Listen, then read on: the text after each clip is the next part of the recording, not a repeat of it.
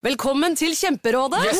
Denne gangen har vi fått inn et kjempedilemma fra en familie. Okay. Jeg leser Hei, vi er litt uenige i familien her. Mm. Hvis du skulle vært et dyr, ville du hatt gjeller eller vinger? Oi, den er tricky. Ja, Hva ville dere hatt, da? Altså, jeg vet ikke, men Med familierabatt får de ubegrenset data fra Telenor fra 399 kroner. Da kan de jo scrolle seg til svaret, rett og slett. Ja, ok, Men for min del Ja. gjelder. Nei, nei, Gjelder. nei, vinger. Nei, nei, gjeller. Ja, okay, ja, Kjempebra. Men eh, se nye mobilabonnement på telenor.no, da.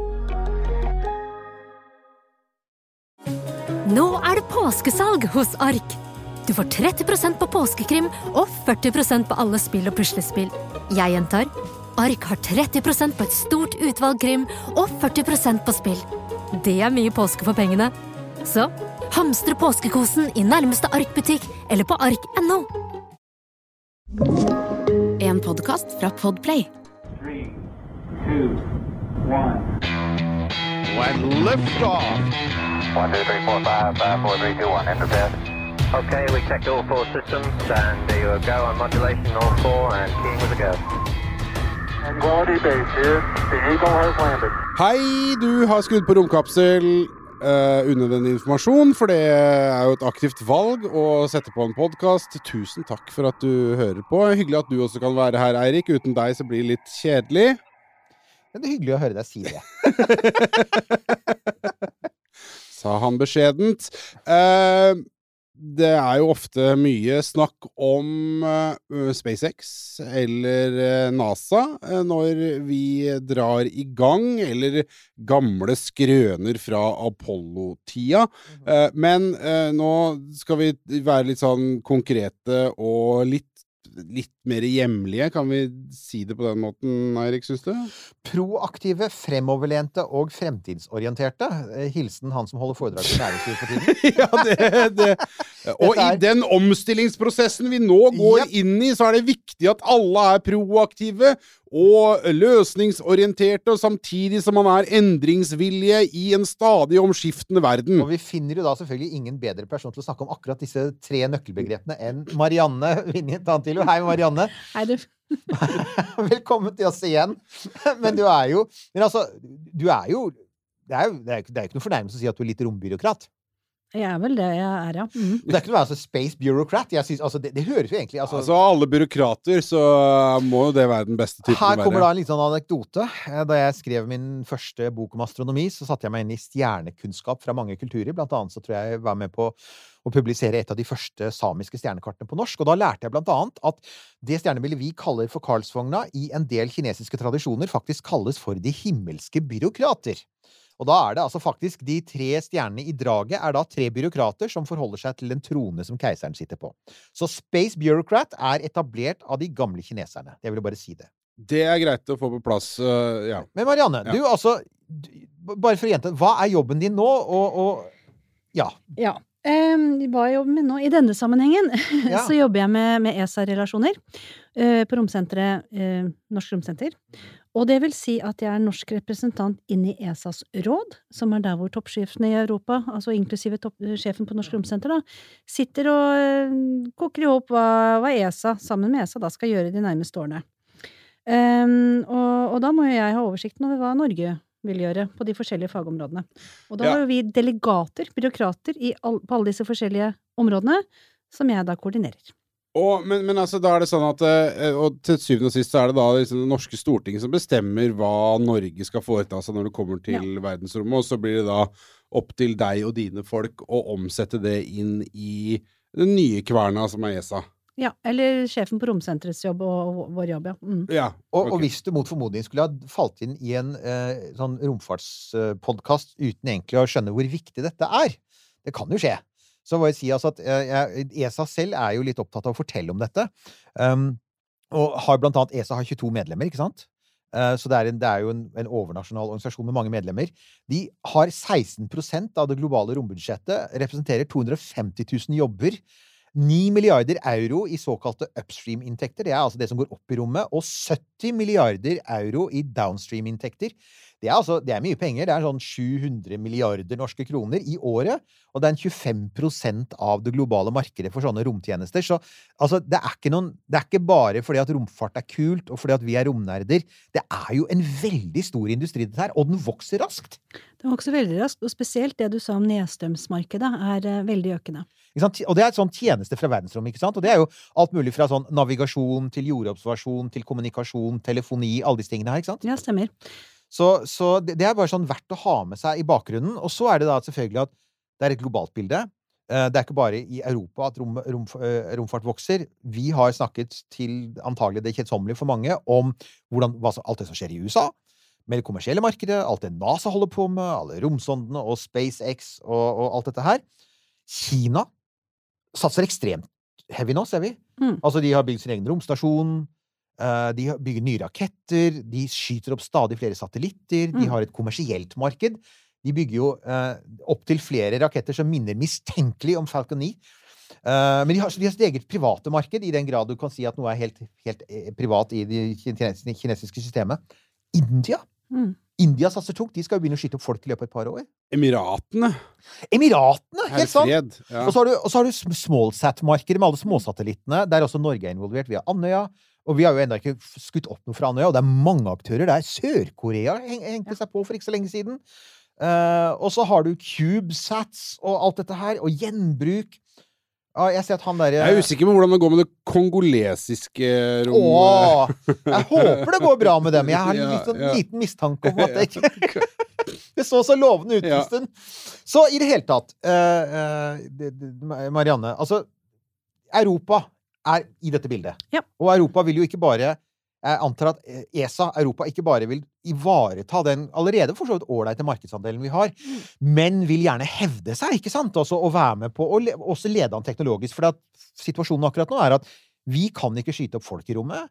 Eh, vi har ingen tunge bærere Altså jo, det har vi jo. Vi har Ariane, men den fases ut, og så kommer Ariane 6. Mm. Men vi har ikke disse supertunge. Vi har ikke noen gjenbrukbare bæreraketter ennå. Enda, nei. Mm. Eh, så, så her er det mye å ta igjen.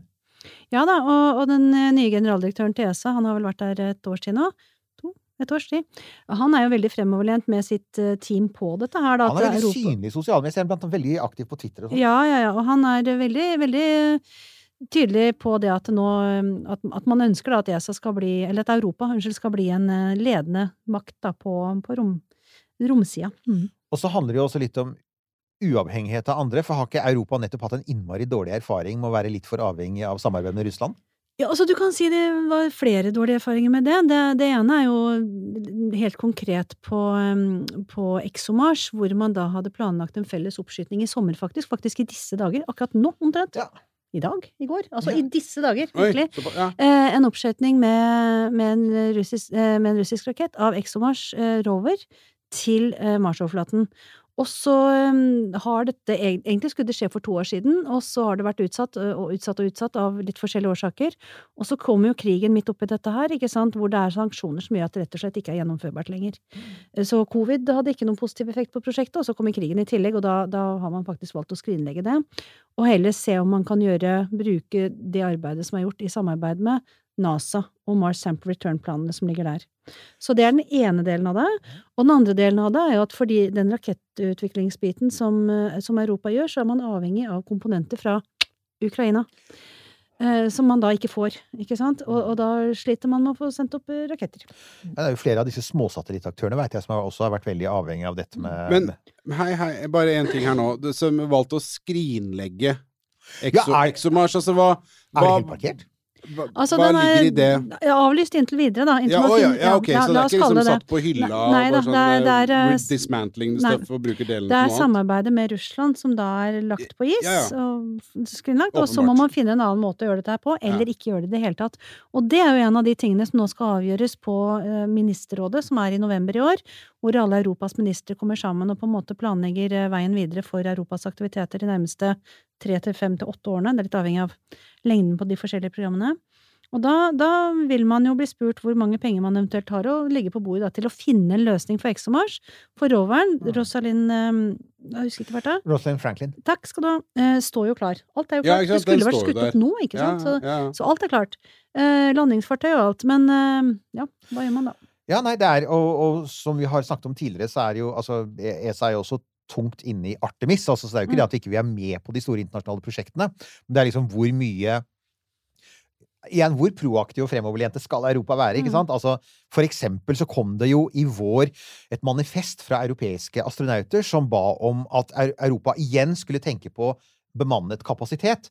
Eh, man hadde jo denne romferja Hermes som ble skrinlagt. Mange vil si dessverre, for den var på mange måter smartere enn den amerikanske romferja. Den var mindre, men den var Altså, amerikanerne flyr nå en romferje, ubemannet, X-37B, som egentlig ligner ganske mye på Hermes i størrelse og omfang og oppskytningsmetodikk.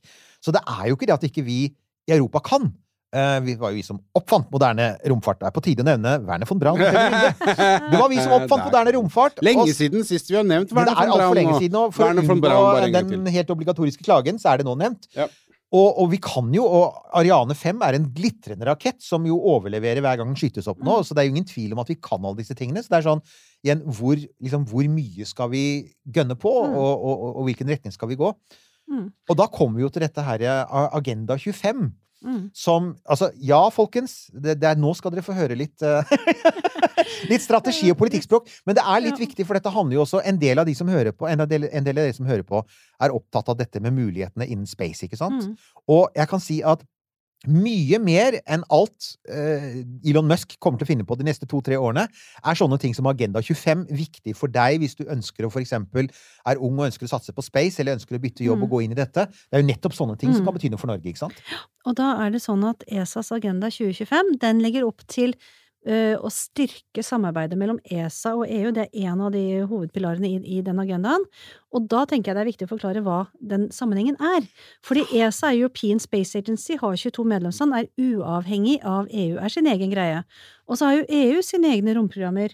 Eh, Galileo, Copernicus, Horizon, Space-aktiviteter, eh, og også nå etter hvert noen forsvarsaktiviteter innenfor space, som EU kjører. Og der er jo Norge i varierende grad med. Nå er vi vel med i alle de, faktisk. Vi har valgt å være med i alle de, de romprogrammene som, som eh, EU kjører.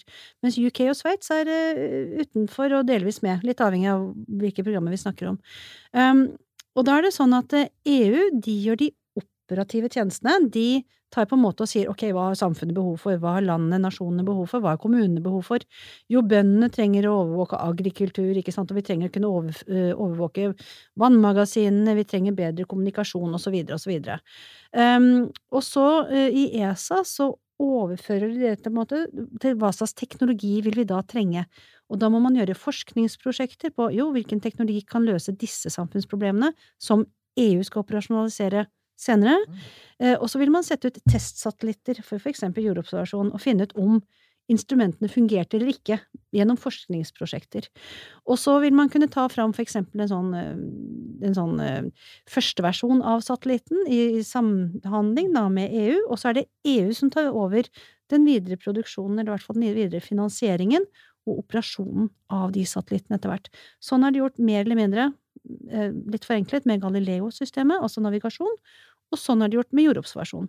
Og så er jo spørsmålet om det også skal gjøres med kommunikasjon, og så er jo spørsmålet, som du nevnte, hva gjør man nå videre med bemannet oppskyting, og eventuelt også uh, andre oppskyting, altså raketter, da, oppskytingsmuligheter. Men det er, men det er jo altså, det er jo interessant, for at det, som du, du nevnte jo allerede altså Du nevnte jo Storbritannia og Mm. Altså, det ligger jo da noen sånn potensielle sånn sånn, det er ikke nødvendigvis konfliktpunkter, men det kan, det kan skurre litt grann der. Mm. Men eh, jeg, så, jeg så jo en sånn nøkkelsetning som jeg så var sånn ESA skal bli EUs implementerende organ for nye flaggskipsprosjekter.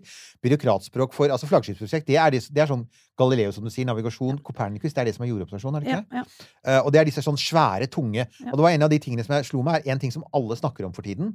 Eh, og vi har vært innom det noen ganger, men vi kan si det igjen. Det er konstellasjoner. ikke sant? Ja. Det er disse svære der. Det er Starlink. Starlink er det mest kjente eksempelet. Du har OneWeb, som, eh, som driver og jobbes med nå.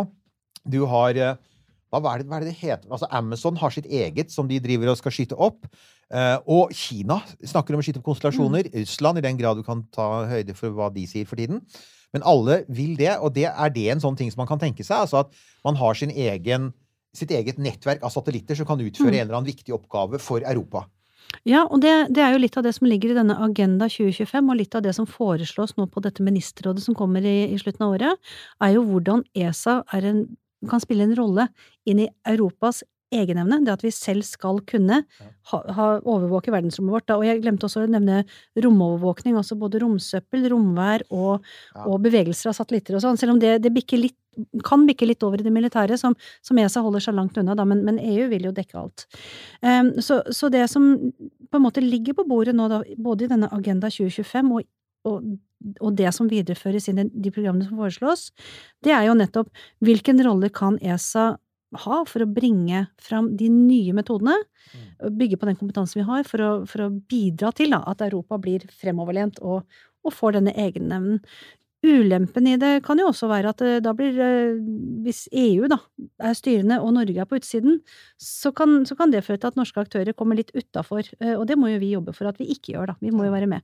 Både at vi får lov til å bruke det, og det, det vil vi, men også at vi får lov til å være med å bygge det og lage det og ha innspill på hvordan det blir. Altså for eksempel kommunikasjon i nordområdene er annerledes enn kommunikasjon rundt ekvator av helt sånn fysiske årsaker. Og da må vi kunne være med å bestemme, eller være med å påvirke at vi får det bedre oppe i nord.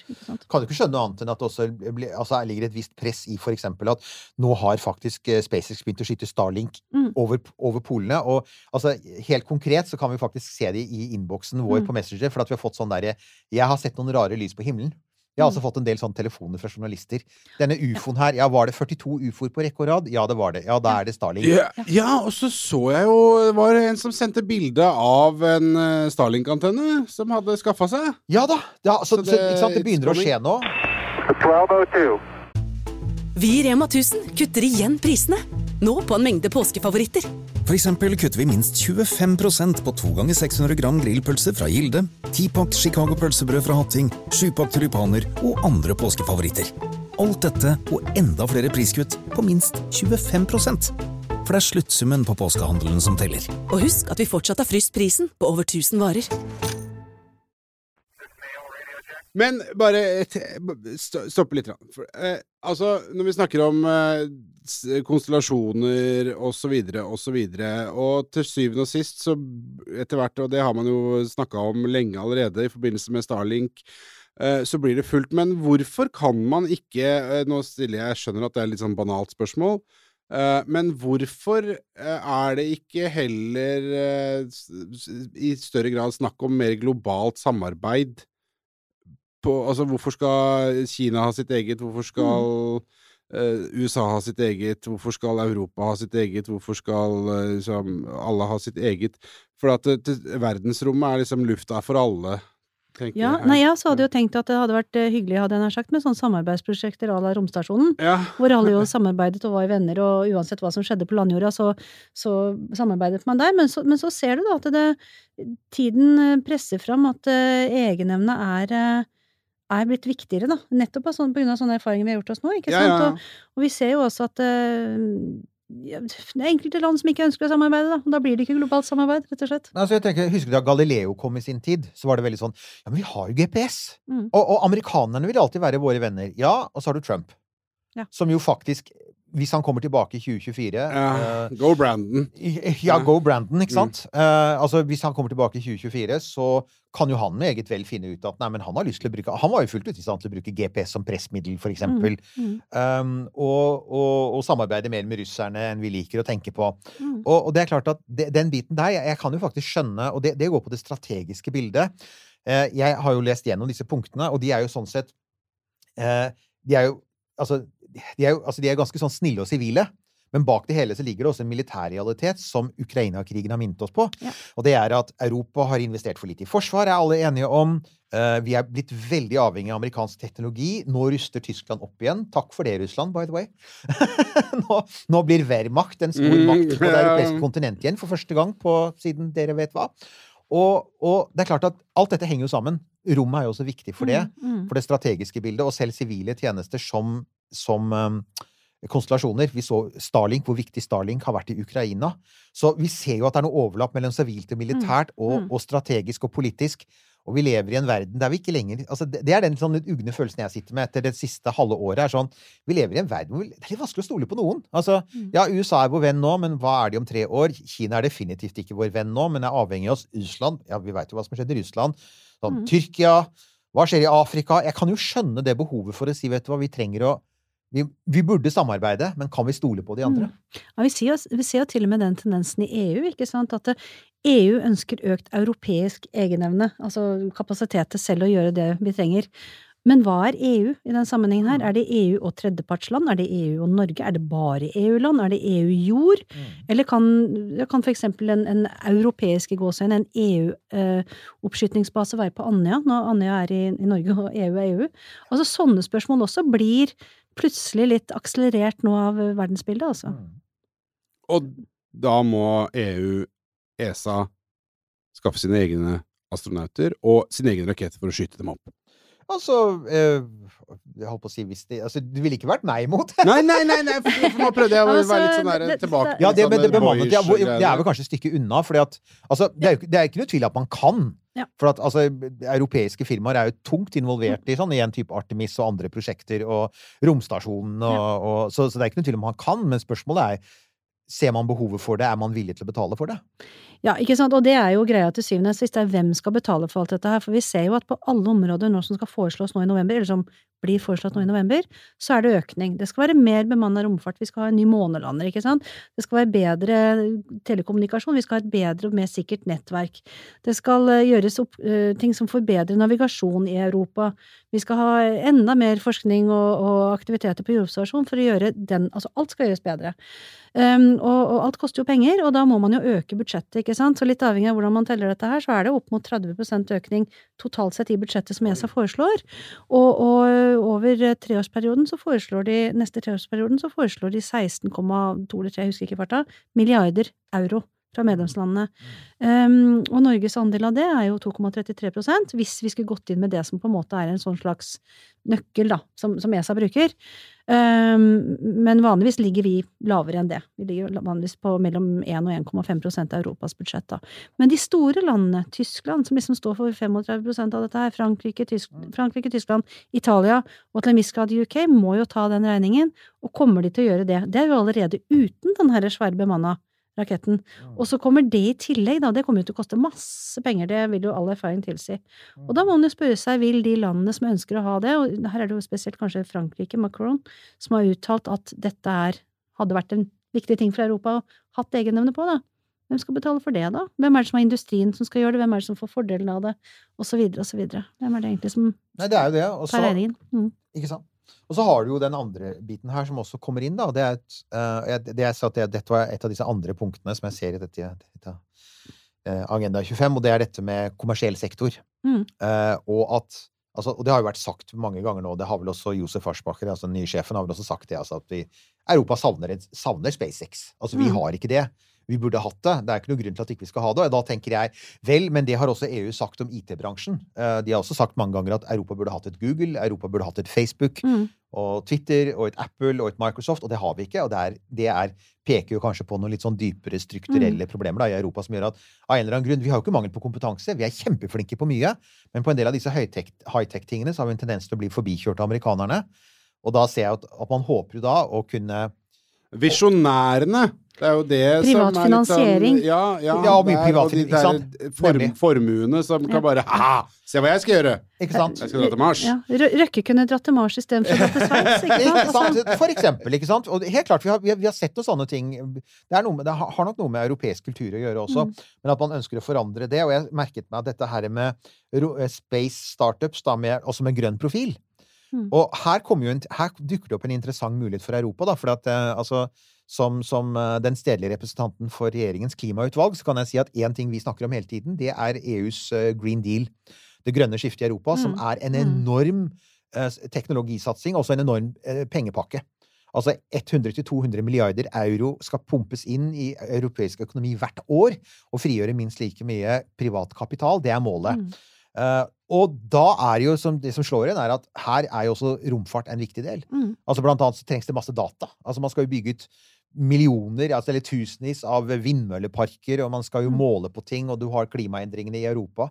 Så jeg kan jo ikke skjønne noe annet enn at der også ligger det noen veldig interessante muligheter. Altså både nye private aktører, men faktisk også at det skal ha en grønn profil. Det er den veien Europa skal gå, går, og der går Europa fortere enn alle de andre.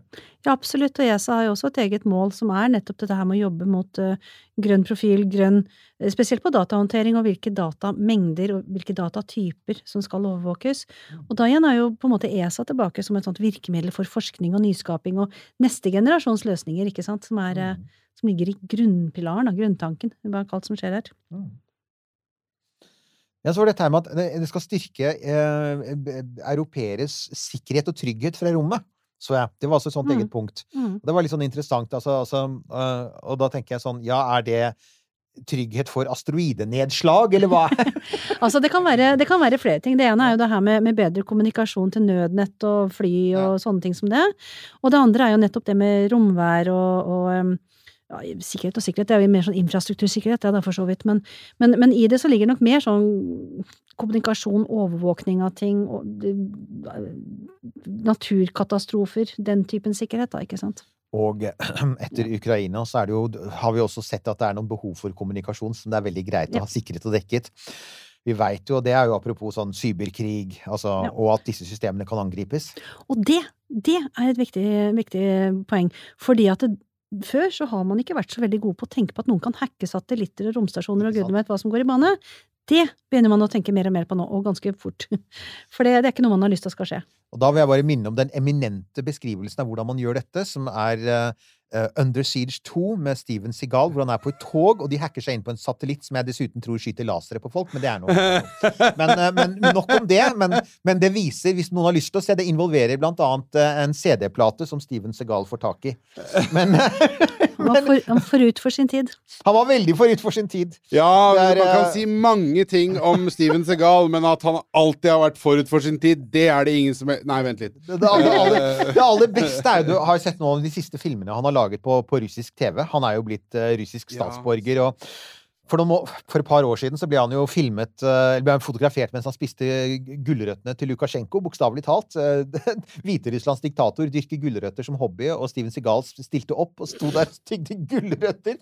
Men nå har han jo faktisk vært på russisk TV og, lovprist Putin. Men han har også gitt oss en leksjon i sikker kommunikasjon, og det er det jeg tenker da, var at, eh, at som du sier, sikkerhet mot hacking, men, men altså og Altså, ja, personvern igjen, sånn overvåkning, slike ting. Ja. Ja, ja jeg, ser, jeg ser den, altså. Men eh, er det, jeg må bare Det er Jeg trenger ah, Ok, eh, nå skal jeg, nå skal jeg være breial og være Det trengs, Nils Johan. Nå skal jeg være liksom uh, Du snakker for lytterne her. Bygdedyret, holdt jeg på å si. Men ESA trenger noe som er litt sexy. Gjør det ikke det? For, for, altså for å det, det snakkes veldig mye, og dette her har vi snakka om før.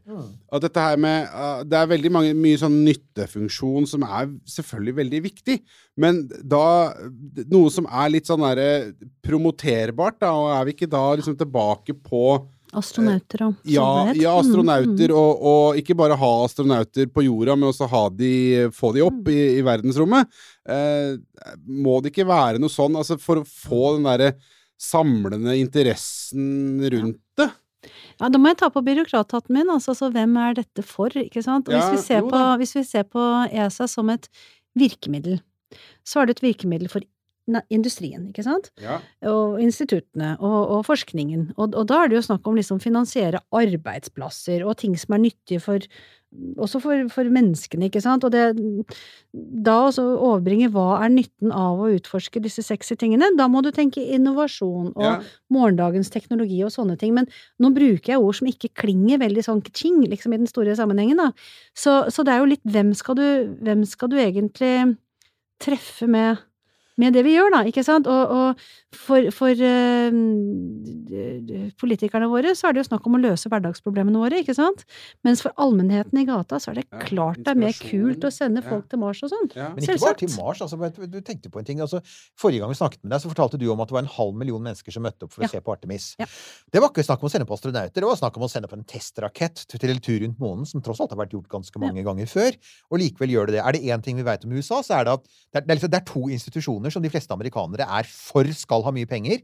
Det er NASA, og det er Forsvaret. Sant? Altså, enten du er republikaner, eller det er, Folk er ikke klar over hvor mange republikanere som også elsker NASA. Noen av de tyngste forsvarerne av disse dyre NASA-prosjektene er republikanere. Det er interessant i et så politisk delt land, og det forteller at selv om det er store sånn, politiske forskjeller, og, og du kanskje har ulike kulturer, sånn som du har i Europa, det har du i USA òg, så så, så klarer romfarten der, noe der. Og jeg det der, jeg, jeg tenker jo så ofte på det at der har NASA faktisk klart noe helt enestående. Mm. De har klart å samle et splittet folk med forskjellig bakgrunn og veldig forskjellig verdisyn. Og, og, og få dem til å møte opp midt på natta for å se på en uh, lekk testrakett. Og jeg syns det er så Ja. kult! Og så tenker jeg eh, vi fikk en liten forsmak på det. Jeg, vi ble, jeg tror alle, ikke, ikke minst ESA, ble tatt på senga av hvor utrolig mye positiv oppmerksomhet web-oppskytingen fikk. Mm. Jeg har ikke tall på hvor mange amerikanere jeg så i sosiale medier som sa 'Har Europa en rakett, og den er jo så bra, og den ser jo så fet ut'? Og så tenkte jeg ja, helt sant, Europa har den raketten. Ariane 5 er en strålende rakett som har funka i alle år. Mm. Og den er, den er sørgelig underkommunisert. Altså, alle har hørt om Falcon 9, og veldig få har hørt om, eh, sant, om Ariane 5 og etter hvert Ariane, eh, Ariane 6. Og da tenker jeg, det handler ikke om at man må gjøre supersexy ting som å sende folk til Mars. Det handler om, annet om dårlig kommunikasjon. 1202. Ja, og det, jeg skulle si Europeisk romorganisasjon har jo svære sånne kommunikasjonsprosjekter og alt rundt Rosetta, for eksempel. Der Rosetta hadde er et de en helt fan- Ja, ja. fantastisk godt sånn eh, prosjekt hvor de hadde den herre raketten med sånt lite eh, nei, sonden med sånt lite sondebarn som skulle lande på Rosetta-overflaten, Ja. som på en måte var en del av kommunikasjonspakken, som traff veldig, da. Den traff Ikke veldig. sant?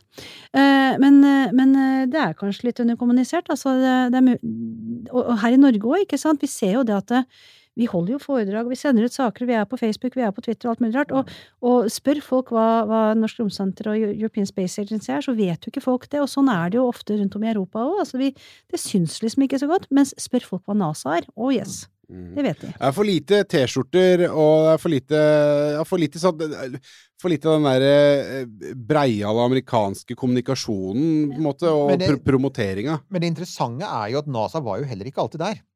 Da NASA ble startet, så var det jo opprinnelig først som en sånn samle ressursene for å lage et sivilt organ. Det var eh, president Eisenhower som ønsket det.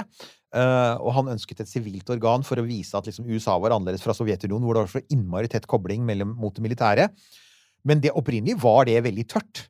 Og så er det jo på 60-tallet, når man har brukt alle disse pengene på Apollo, så er det vel er det 65 eller 66, så er det en kongressrepresentant fra Florida som tar opp i kongressen. Han sier jeg har masse velgere som kjører ut til Cape Canaveral, og de ser alt som bygges der, og de får ikke se det. Vi kommer ikke inn på Cape Canaveral, og de betaler for det. Hva har dere tenkt å gjøre med det, NASA? Ikke sant? Mm. Og da får du en transformasjon av kulturen i NASA. NASA fikk masse kritikk for å være dårlig på kommunikasjon på 60-tallet. Mm. Og mot slutten av 60-tallet så skjerper de seg, sånn at de blir bedre. Allikevel klarte de ikke å ta med et ordentlig kamera til månen. Nei, det er altså at ikke de ikke hadde med 35 mm kamera til månen. Nei, det er, det er, altså, men det, altså, det sier dem at de hadde jo også en god del å gå på. Og nå regnes de for å liksom være best i klassen.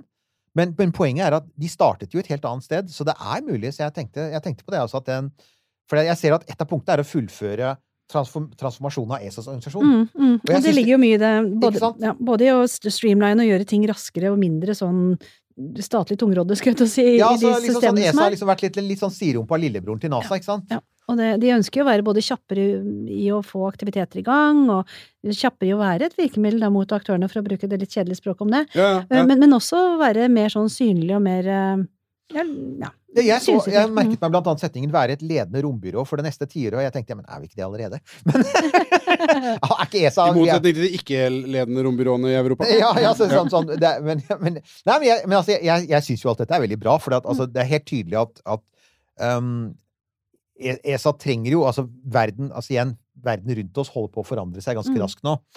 Uh, og vi vil jo selvfølgelig ikke være der at vi plutselig en dag er sånn forbigått av India, som plutselig har liksom sånn fått på plass smallsat. De, de satser på smallsats, og de satser på Mm. gjenbrukbarhet og bemannet romfart og alt mulig. Uh, og, og det er klart, det altså Men, men det ser vi i diskusjonen om budsjett og innhold og hva som liksom skal komme og sånn. Man kan ikke gape over alt på en gang, for det har vi rett og slett ikke råd til i Europa. Vi må på en måte velge ut noen nisjer. Og så kan det hende at det med bemannet oppskyting, sånn som astronautene ønsker seg, det kan være en sånn nisje. Men, men man kan ikke gjøre alt. Ingen kan gjøre alt. Selv ikke NASA kan gjøre alt. De henter jo inn Europa for å gjøre for å hjelpe seg på bemannet romfart, for eksempel, ikke sant? Og, og så er det sånn som du sa i stad, Green Deal er Europa god på, kanskje det er der vi virkelig skal sette inn støtet, og så videre. Så, Jeg, jeg tenker det. Jeg tenker Ja. det, for at det, det, er, det er veldig mye større enn folk er klar over, og det kommer jo til å påvirke Mm. livene våre i en helt annen grad. Og, og, og Norge blir jo en viktig del av det. Og der blir også arktiske områder en viktig Mm. del. Og der har vi per i dag fremdeles for lite kunnskap, for dårlig dekning. Mm. Og da er det jo ironisk uh, å se at nå kommer det en konstellasjon i nordområdene, og det er Starlink. Og det, det, altså egentlig sier det seg selv at dette er jo utrolig strategisk viktig for Europa. Mm. Og at det skal være i hendene på et privat amerikansk selskap, det høres ikke ut som en veldig god idé på sikt. Så jeg ser jo at det er mange som tar til orde for at vi må få våre egne sånn polare konstellasjoner, og, Mm. og, og, og sørge for at for eksempel at du kan få bredbånd til havs på en helt annen måte enn vi, enn vi har i dag. Men vi er alle i hendene på private amerikanske aktører, vet du. Så Vi er det, altså. Vi Løpet er, løpet er kjørt der, vet du. Nei, altså jeg tenker at Vi har jo noen ulemper, selvfølgelig. Altså vi har jo, Geografisk så er jo Europa der at vi har ikke noen gode steder hvor vi kan skyte store raketter mot øst. ikke sant? Altså fordi at vi, altså vi kan skyte dem mot nord fra Andøya, men vi har ikke, vi har ikke fritt hav mot øst som Du kan for så vidt skyte opp fra østkysten av England, men da skyter du oppover Nordsjøen, og da, hvis noe går galt, så lander du i Russland. Fransk, Guyana, da. Altså Det er franske, det- så det, er det, det vi har, er fransk Guyana, ikke sant? Som da er et uh, fransk oversjøisk territorium. Og da er vi helt Ja, det også som er Ja, ja, ikke sant. Det er en eller annen sånn Men ja, ikke sant? Så vi har men som dessuten ligger veldig langt utenfor allfarvei. Altså, Ja. Det er lang transport. Så, så det er klart vi har noen sånne ting. Vi har noen sånne der strukturelle ting. For eksempel USA har et veldig mye større militærindustriert kompleks. USA har en gigantisk militærindustri som NASA også trekker på. Mm. Du har noen kontrakter. altså For eksempel Boeing er en stor aktør i, på Artemis. Men Boeing er stor på alt! Også sivil luftfart, og ikke minst kjempesvær på det militære. Så det er klart at vi har en del sånne ting, men jeg tenker likevel at, at uh, Og så er det, da- ESA er jo veldig mange medlemsland med veldig forskjellige prioriteter, mm. som for det første skal bli enige om det som gjøres, og så skal man bli enige om å bruke hvor mye penger på det, og så skal man bli enige om hvordan arbeidsoppgavene skal fordeles, og da er det jo helst de som er best på det, som skal gjøre de forskjellige oppgavene, og hvem er det da som ramler utafor, og hvordan skal det ordnes, og så, og så videre og så videre. Så det er jo sånn sett eh, også et ganske komplisert bilde som skal effektiviseres så bra det lar seg gjøre, samtidig som dette kommer alle til gode. Så det er jo ja, jeg hører vi Men, reklame men, her, men, men, jeg, men allikevel, men så tenker jeg at det, men det er et par ting som peker seg ut, tenker jeg. Sånn, altså, hvis man skal lykkes med en teknologi, hvor det, altså, så, så det, kan det jo være lurt å se på felter der andre kanskje ikke er like sterke, eller der Europa har noen naturlige fordeler. Og igjen, vi veit at vi kommer til å gjennomføre altså Planen er å gjennomføre det mest offensive grønne skiftet på kloden. Mm, mm. Der ligger det en styrke. Og så er det en ting til som jeg har sett stadig mer av, og som jeg vet også uh, lytterne er veldig opptatt av, og det er dette med romsøppel. Mm. Det er dette med å forvalte rommet som en transportsone, for at nå er det free for all. ikke sant? Nå driver, altså igjen, SpaceX de har fått tillatelse til å skyte opp 12 000 satellitter, søker om 40 000, men de søker fra amerikanske FAA. Mm. Mens altså, F, altså hvor mange prosent av jordas overflate dekker USA, da? Mens satellittene går over hele jorda, ikke sant?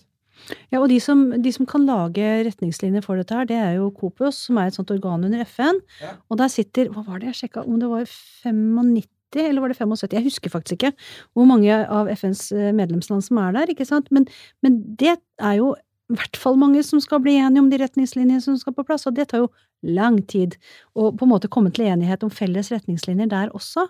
Mm. Men Europa er jo inne og jobber med både EU og ESA og Forsvaret eh, rundt om jobber jo med dette her med nettopp å tracke ting i, Ja, i og faktisk også deorbiting-teknologi og Ja, slike ting. Så jeg ser ja. jo, og jeg synes det, det er faktisk et innmari godt eksempel på et område der altså Europa som er glad i standarder, og som er glad i samarbeid, og som er glad i fornuftige løsninger på ting, Mm. med liksom velferdsstater og lov og orden og slike ting. At Europa kan spille en rolle der, fordi at vi er på vei mot Texas. Det er vi jo. Mm. Uh, det, det tror jeg er en kjempegod idé. Jeg så nettopp så var det ehm, du, altså Den neste tingen, hvis folk lurer på om det kommer til å bli nye, klare ting å se på himmelen, det er jo 5G-satellitter, ikke sant? Mm. Det er jo en ting som altså, jeg vet ikke om du, Har du hørt om det, Nils Johan? 5G-satellitter? Ja, 5G-satellitter. For altså Jeg sånn blir ikke overraska, men jeg har ikke hørt om det. Nei, ikke sant? Altså, Ja. tanken er jo Ideen er jo ikke så dum egentlig sånn i prinsippet, og det er vel dette her med at at, eh, at disse frekvensene du bruker til å kommunisere til bakken fra satellitter, er ikke så veldig langt unna 5G-båndet, så hvorfor ikke bare flytte det inn i 5G? Og, og, og jeg tror Er det neste generasjon av Apple, eller er det de eksisterende Apple-telefonene? Det kan sikkert lytterne rette meg på. eh, vil jo ha nødfunksjoner som går mot space. Altså vil faktisk sånn at Hvis du går her bort på vidda, Ja. så vil du faktisk kunne bruke telefonen din til å sende meldinger til en satellitt. Kan ikke overføre mye data, men kan allerede kommunisere. Og så er det et firma som da selvfølgelig skal skytes opp med SpaceX, som, har, som, eh, som skal sette ut en satellitt som altså rett og slett skal kunne snakke med bakken eh, via 5G. Og ikke, igjen ikke levere veldig høy båndbredde, men faktisk for eksempel kunne levere tekstmeldinger og samtalekvalitet. Og det vil si at da er du ikke lenger avhengig av aktørene hvor det står antenner. Da kan du faktisk nås alle steder hvor satellitter kan nå. Problemet er at de antennene er svære. De er veldig synlige. De er mye mer synlige på himmelen. Og det er jo for at altså, du skal jo Det er, det er, altså, det er vanskeligere å gjøre dette med 5G enn med andre frekvenser, da, tydeligvis. Og da kommer vi tilbake til dette med lysforurensning Mm. og romsøppel. Og igjen så blir det sånn Skal vi nå få, et 5, skal vi nå få 5G-nettverk på himmelen uten at noen passer på det? Mm. Uten at noen passer på himmelen for astronomene? Er det jeg tenker ESA. Mm. ESA jobber definitivt med det, altså. Eh, Men eh, der er det kanskje også vel så mye fokus på hvilken teknologi man kan ha, bør ha, må ha, på satellitter som skytes opp for å sørge for at de også kommer ned. Og at det ikke blir bane til eh, ei gåsehøyne evig tid, da. Det er jo ikke Ja. det, men ja. Så det er, eh, men det er så veldig mye som skjer så veldig fort nå på absolutt alle områder, at det, er litt, det føles nesten litt sånn, ja, ikke løpsk er feil ord, da, men det, alle disse tingene her, og de blir jo pushet på stadig vekk også av eh, ja, sånn som krig og uro og, og det er veldig, veldig mye som skjer veldig fort akkurat nå, altså. Det er, det er virkelig en sånn ny romalder på veldig mange områder. Å, det er fint. En ny romalder. Det passer så perfekt å gå ut på, for at det var der denne podkasten startet, var det ikke det? Det Vi, det. vi snakket jo om dette her med at vi, vi startet i Romkapsel i sin tid, fordi at vi blant annet ville dekke det vi trodde kom til å bli veldig mye spennende som skjedde i rommet, og det kan vi være enige om at det er til de grader. Definitivt. Takk, verdensrommet, du har levert. Men Marianne, du skal altså være med på disse Du, du, er, du er en del av denne prosessen, er du ikke det? Altså Agenda 25? Jo da, altså nå har jo ESA på en måte foreslått noe, medlemslandene har blitt enige om det, og, og i de rollene som Norsk Romsenter har, da, som jeg er med på, så, så er jo vi med og spiller inn på alle nivåer. Hva mener vi dette betyr når det skal implementeres? Hva mener vi dette betyr inn mot EU? Hva mener vi dette betyr for alle medlemslandene, for budsjettene osv.? Så, videre. så ja da, det er vi absolutt med på. Og jeg. Mm. Noter ned eh, kule bumper stickers og raffe T-skjorter. Jeg skal ta med det i bakhodet. Gjør det! Ja, gjør og for de av dere som tenker ja, men hvordan i verden angår dette meg, så bare husk på eh, ESAs og EUs flaggskipsprosjekter, som veldig fort kan komme til en himmel nær deg. Og hvis du ikke du tror at eh, disse tingene med trafikk i rommet påvirker deg, så kan du gå ut en hvilken som helst klar kveld nå, og før du aner ordet av det, så ser du 40-50 amerikanske satellitter suse over himmelen. I ferd med å utplassere et gigantisk internett rett over hodet ditt, uten at du noensinne ba om det, eller var klar over det. og Kanskje liker du det, kanskje liker du det ikke. Vi vet at innbyggerne i Strengelvåg i Øksnes kommune ikke liker det. Eh, og det er ikke så mye de kan gjøre med det, egentlig, for det kommer uansett. Og før du veit ordet av det, så har det blitt til Skynet. Og før du veit ordet av det, så er det nemlig Det er blitt selvbevisst, har overtatt makten. Ja. Sånn går det, og takk for alt, alle sammen, for alltid. Nei Ja. da. Eh, vi, vi, vi høres eh, igjen eh, neste gang du trykker på play, vi vet du. Marianne, eh, tusen takk igjen for der Besuch aus unsere Pennemynde. Det er aldri veldig lenge mellom hver gang Marianne er her, så vi skal ikke engang si velkommen tilbake, for at du veit at du kommer tilbake. Romkapsel.no. Vi har i hvert fall raff merchandise som du kan eh, kjøpe. Eh, der har vi også kopper. eh, Ja, hvordan går det med produksjonen av ting? Jo da, det, produksjonen er på stell, den. Det, det, Ja, jeg så en Facebook-melding som så Ja. lovende ut. det ventes en leveranse ganske snart, så da bør alt som er av sånne restordre prosessueres eh, relativt eh, Altså, jeg sier relativt eh, radig. Hvilket vil si at du da faktisk kan tusle innom romkapsel.no og bestille ting. Og eh, har du noen meninger om 5G fra rommet eller ESAs eh, strategi, så er det bare å legge inn kommentarer på Facebook eller Twitter, som vanlig.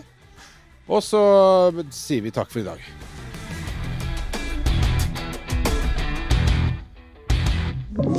Du har hørt en podkast fra Podplay.